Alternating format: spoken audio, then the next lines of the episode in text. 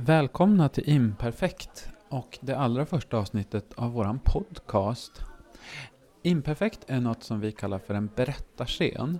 Och vi finns i Uppsala och en gång i månaden under hösten och våren så släpper vi upp några personer på våran scen och så får de utifrån ett tema som är givet på förhand berätta varsin sann historia ur sina egna liv. Det kan vara en anekdot eller något som har förändrat hela ens liv. Vad som helst egentligen, så länge det är en historia. Vi tänker att det finns något väldigt värdefullt i att just få ta del av varandras liv på det här sättet. Och reglerna för berättarna, det är att historien de berättar, den måste vara sann, så som de minns den. De måste berätta utan stödpapper eller rekvisita och de har som längst 15 minuter på sig. Vi som har Imperfekt, det är jag som heter Jakob Nissen och sen är det Julia Westerdahl. Och vi har det efter en amerikansk förebild som heter The Moth. Och här på vår podcast så kommer vi att spela ett antal av våra favorithistorier från i våras under några veckor framöver. Den som berättar i detta vårt allra första avsnitt det är förläggaren Dorotea Bromberg. Och rubriken den kvällen då Dorotea stod på scenen det var Ryggen mot väggen. Historier från trängda lägen. Nu kommer Dorotea.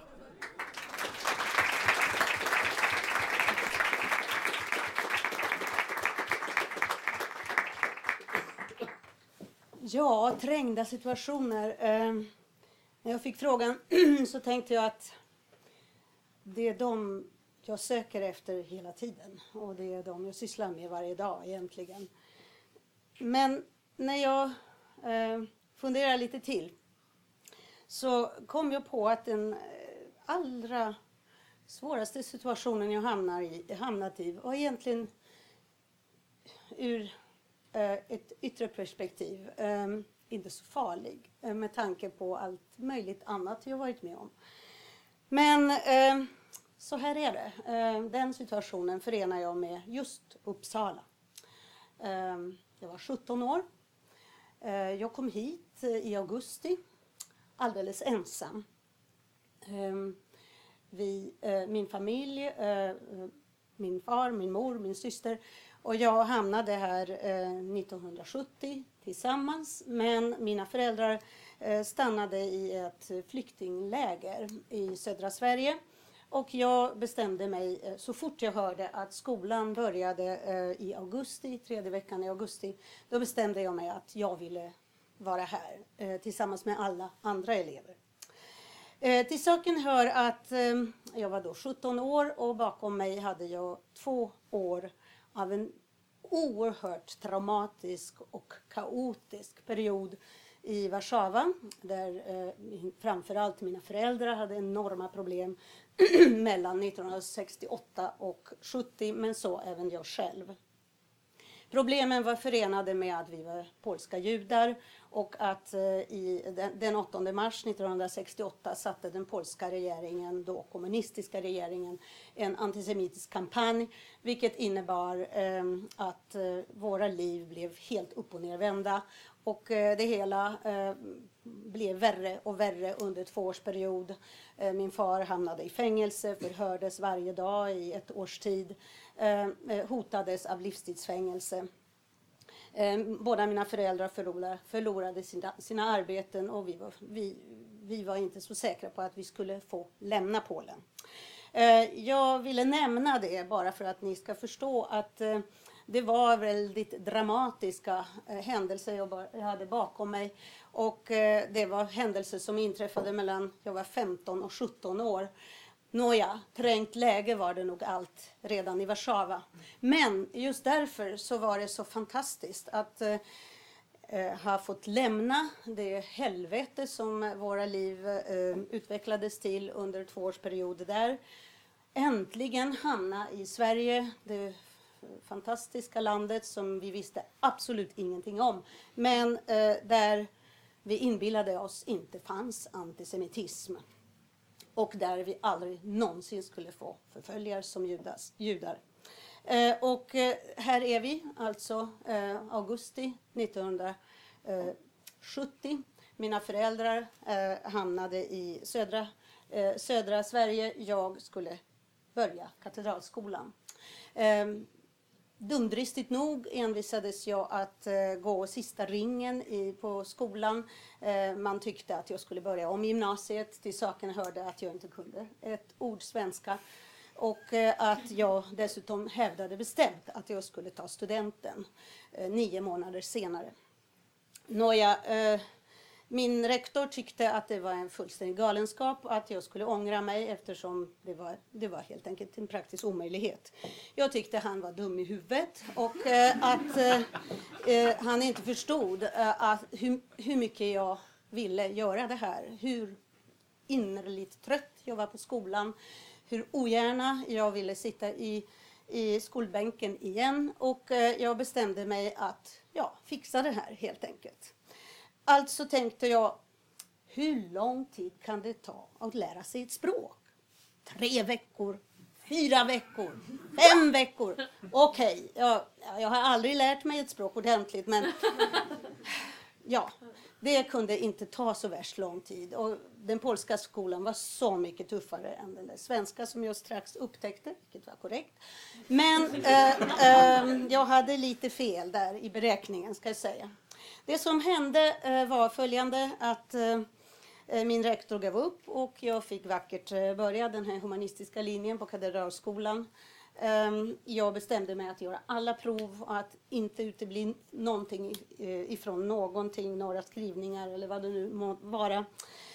Jag hade inget, inget stöd i min svenskundervisning. På den tiden fanns det inga sådana möjligheter. Alltså satte jag nätterna igenom och lärde mig svenska för hand för så att säga. Varje i, till och från. Jag slog allting i det bedrövliga lexikonet som fanns eh, eh, till hands och eh, inbillade mig att jag skulle fixa det här. Jag skrev alla prov, och, inklusive svenska förstås, eh, vilket eh, drev mina stackars lärare till vansinne förstås, för att det var fullständigt obegripligt det jag skrev. Men eh, jag bestämde mig att det var nog eh, lika bra att bita ihop och fixa det här. Ehm, det jag inte var beredd på, eh, det var den svenska vänligheten. Jag lyssnade nyss på det. Fogligheten, snällheten, eh, som jag inte var van vid i skolan, inte särskilt inte i skolan. Och ehm, det som hände var att jag ansträngde mig väldigt, väldigt mycket. Det såg mina lärare alldeles säkert.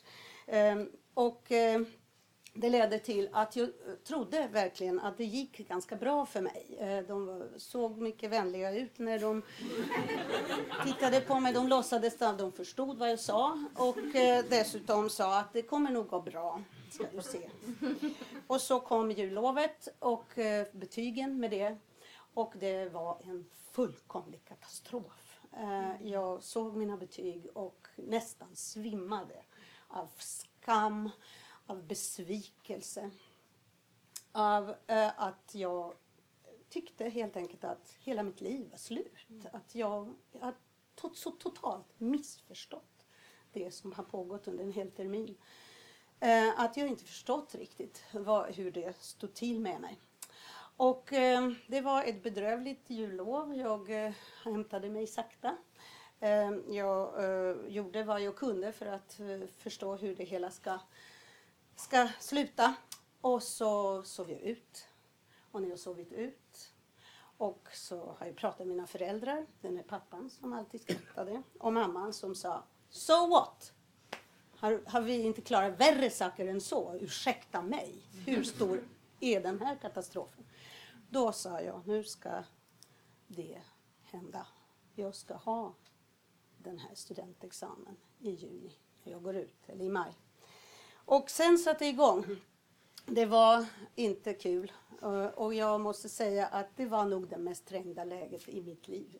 Trots alla hemska saker som hänt vår familj nyligen. Just det här att ge sig fan på att det ska gå. Och eh, genomföra det, försöka genomföra det.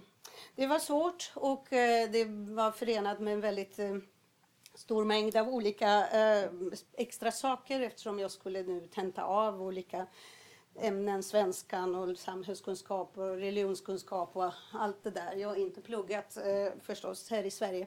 Eh, det eh, gick eh, eh sakta men eh, det gick framåt. Och eh, jag minns att jag hade bara en önskan att inte alls det här som man kan, eh, som man kan tänka sig att folk frågar, ja men hur, det var väl kul sista ringen i skolan när du hamnade här i Uppsala. Ni har festat, ni har kul. Jag kunde inte påminna mig, inte bara några fester för att det fanns inga fester, inga som jag blev bjuden till eller deltog i. Jag förstod mina kompisar att de inte orkade med mig för att jag var väldigt svår att orka med och förstå. Och dessutom förstå varför jag pluggar så mycket. Men jag önskar att eh, de fanns där för att eh, för att hjälpa mig runt lite i den här, eh, den här labyrinten på skolan. Eh, jag har fortfarande väldigt svåra minnen, mardrömmar faktiskt, av saker som eh, låter väldigt konstiga. Men eh, av att komma till skolan när det var studiedag för att ingen har upplyst mig. Mm. Eh, att komma hela tiden till fel eh, klassrum för sent eftersom skolan byggdes om då och man, ibland så sa lä lä läraren så där förbigående Nästa vecka är vi i den andra lokalen och jag kom alltid fel. Eh, det var de största nederlagen under det här läsåret. Nederlagen att bli ständigt, ständigt att missförstå saker, att inte, inte kunna eh, förstå eh, hur jag ska hitta runt i den rent vardagliga, vardagliga livet. Men den första triumfen kom när jag skulle ehm, tentera av religionskunskapen och det var lite komisk historia så jag lägger en minut på den. Eh, det var nämligen så att religionskunskapen var den största av alla mina mardrömmar. Jag har varit i Sverige i sex månader. Jag skulle tenta av hela, hela eh, religionskunskapen inklusive bibeln på svenska. Eh, jag förstod inte vad jag läste. Mm. Och jag förstod bara att det enda jag kunde göra var att lära mig den här boken utan till. Eh, och det gjorde jag. Eh, eh, det var en, eh, det var en eh, jury som kom från Stockholm för att ta av mig från Skolöverstyrelsen, som det då hette. Och det var en, en präst som, vi hade som, som jag hade som lärare, som, eh, som var min lärare, som var närvarande. Eh, de, de förhörde mig i två timmar och sen fick jag höra att jag fick eh, sitta ute utanför dörren och vänta. Jag ville inte vänta, jag ville bara gå därifrån. Jag var bedrövad över att jag var fullständigt övertygad om att det skulle gå åt skogen. De de inte förstått vad jag sagt helt enkelt. Att jag sagt fel. Och det som hände det är att eh, jag fick höra att eh, de blev djupt imponerade av mina religionskunskaper och skulle varmt rekommendera mig till till, religions, till, till, universitetet och till seminariet eftersom det märktes vilket otroligt stort engagemang hade. eh, ja, eh, det finns inte så mycket tid för att berätta hur det kändes. Eh, men jag undrar om ni ändå inte kommer att förstå att när det kom till skolavslutningen och det visade sig att min svenska uppsats skulle läsas för hela skolan. För att det var bra och för att eh, de aldrig haft en invandrare som klarade svenska på så lång tid. Då visste jag att det kommer aldrig finnas ett trängt läge jag inte kommer att klara. Tack.